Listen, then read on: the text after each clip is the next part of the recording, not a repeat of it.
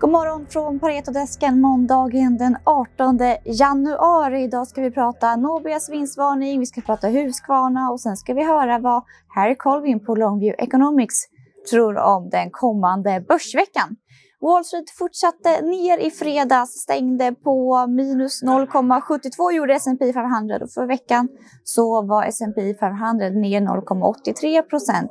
Russell 2000 däremot var upp 1,5 procent för veckan som vi pratade om då i fredags, det här småbolagsindexet som eh, fortsätter att gå bra och som har gått ungefär 40 procent sedan början av november.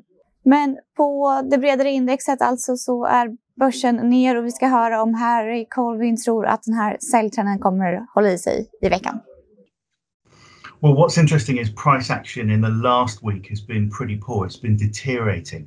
So we've seen ongoing signs of risk aversion towards the end of the week. Um, equity markets, both in the US and globally, have been rolling over after pretty strong gains in early January. And I think one of the one of the key challenges, of course, has been this US dollar rally. It's continued to strengthen in the last week. So it's not just equities, but it's commodities and other um, key asset prices coming under pressure, including Bitcoin, of course, which actually has is quite a good leading indicator for equity market direction in the near term, particularly at, at key turning points. So Bitcoin's come under pressure.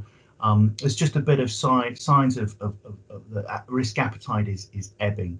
And a lot of our models have been on sell at the start of last week. Uh, so put protection in portfolios, for example, was quite low. Our breadth readings and risk appetite models and other technical models were all flashing sell. So I suspect some of the deterioration we've seen at the end of last week and indeed overnight will continue a little bit into into this week and then eventually probably prove to be a, a buying opportunity in the near term.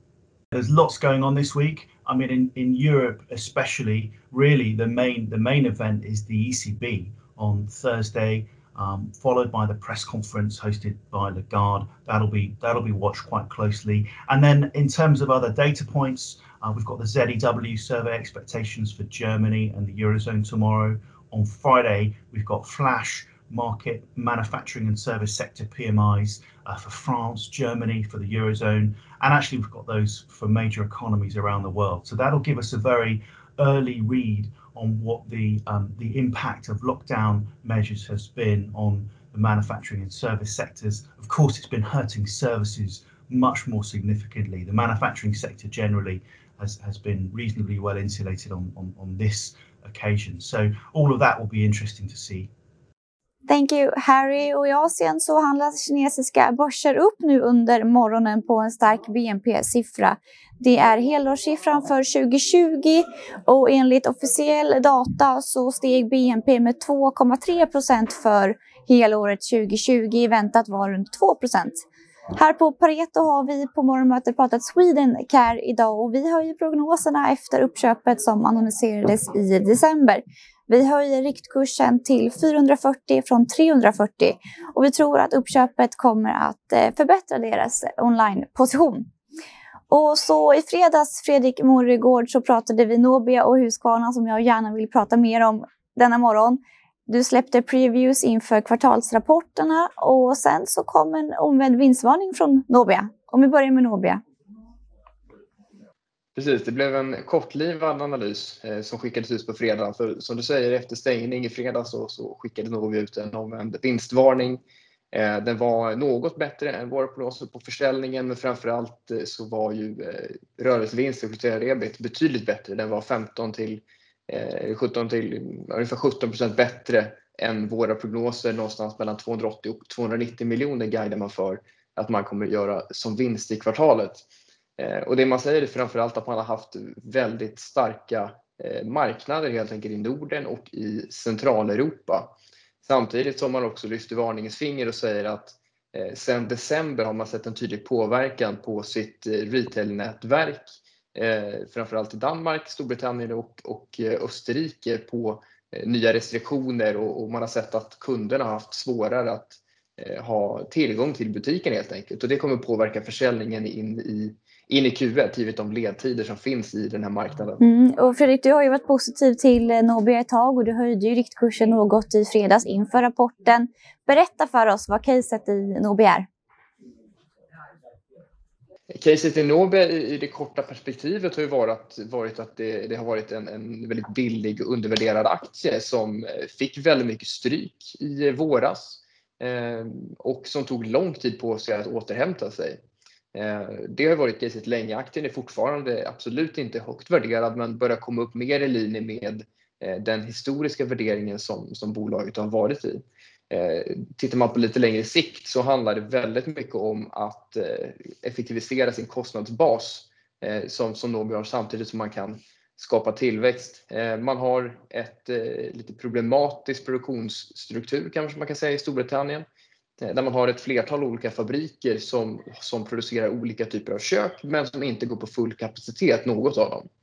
Genom att Eh, streamlina då vilken typ av, av produkt man har i de här fabrikerna och kunna flytta volymen mellan fabrikerna ska man kunna öka på sitt, eh, sin utnyttjande av fabrikerna och då eh, så att säga, få mer hävstång på sina fasta kostnader när tillväxten kommer tillbaka. Eh, så vi gillar verkligen Nobia och vi, vi upprepar ju vår köprekommendation idag med vår riktkurs på 75 kronor. Mm. Eh, ett annat bolag som du är positiv till på lite längre sikt men inte i det korta perspektivet är Husqvarna där du har en hold-rekommendation. Berätta vad du eh, tror om Husqvarnas framtid närmsta året. Ja, det närmsta året tror jag att jag kommer vara eh, ganska karaktäriserat av att man eh, accelererar väldigt mycket kostnader relaterat till till robotgräsklipparna kanske också till framförallt ska jag säga relaterat till att, att accelerera Eh, robotgräsklippare och, och eh, batteriprodukter. Och då handlar det om, om eh, så att säga go-to-market investeringar man gör i marknadsföring, i, i liksom ställstöd i sina kanaler och liknande. Eh, vilket jag tycker är helt rätt på sikt och det är någonting man kommer få betalt med eh, via kraftig tillväxt under, under flera år framöver. Det här är en marknad som är i, i sin linda kanske man till och med kan säga, åtminstone på den professionella sidan. Eh, även, även inom retail så är, är eh, robotgräsklippare en liksom, geografiskt sett väldigt begränsad produkt. Eh, så det finns stor expansionsmöjlighet och Husqvarna är ju tydligt i en ledande position här. Men jag tror att de här kostnaderna kommer, kommer att accelereras ganska tydligt här under året. Det har bolaget flaggat för. Eh, och man kommer ha vissa motvindar från, från råmaterial och från valutor också. Eh, jag tror att eh, marginalen kommer att eh, stå still faktiskt från 2020 in i 2021. Men att man därefter ytterligare sen kommer ta steg på, på sin resa mot ännu bättre marginaler. Eh, även om man redan nu då i år kommer nå sitt mål på 10 eh, så, så jag tror att 2021 eh, finns en risk att det blir lite av ett mellanår Eh, när man investerar för, för framtida tillväxt helt enkelt som, som vi ser kommer komma väldigt starkt. Tack så mycket Fredrik Moregård. Om vi går vidare till dagens agenda, vad händer idag då? Jo, i USA så håller börsen stängt och det är fortfarande lugnt på rapportfronten. De kommer igång imorgon igen och då är det Goldman Sachs och Netflix i USA och sen här i Sverige så kommer rapporterna igång på torsdag. Då kommer Sandvik och Investor. Tack så mycket.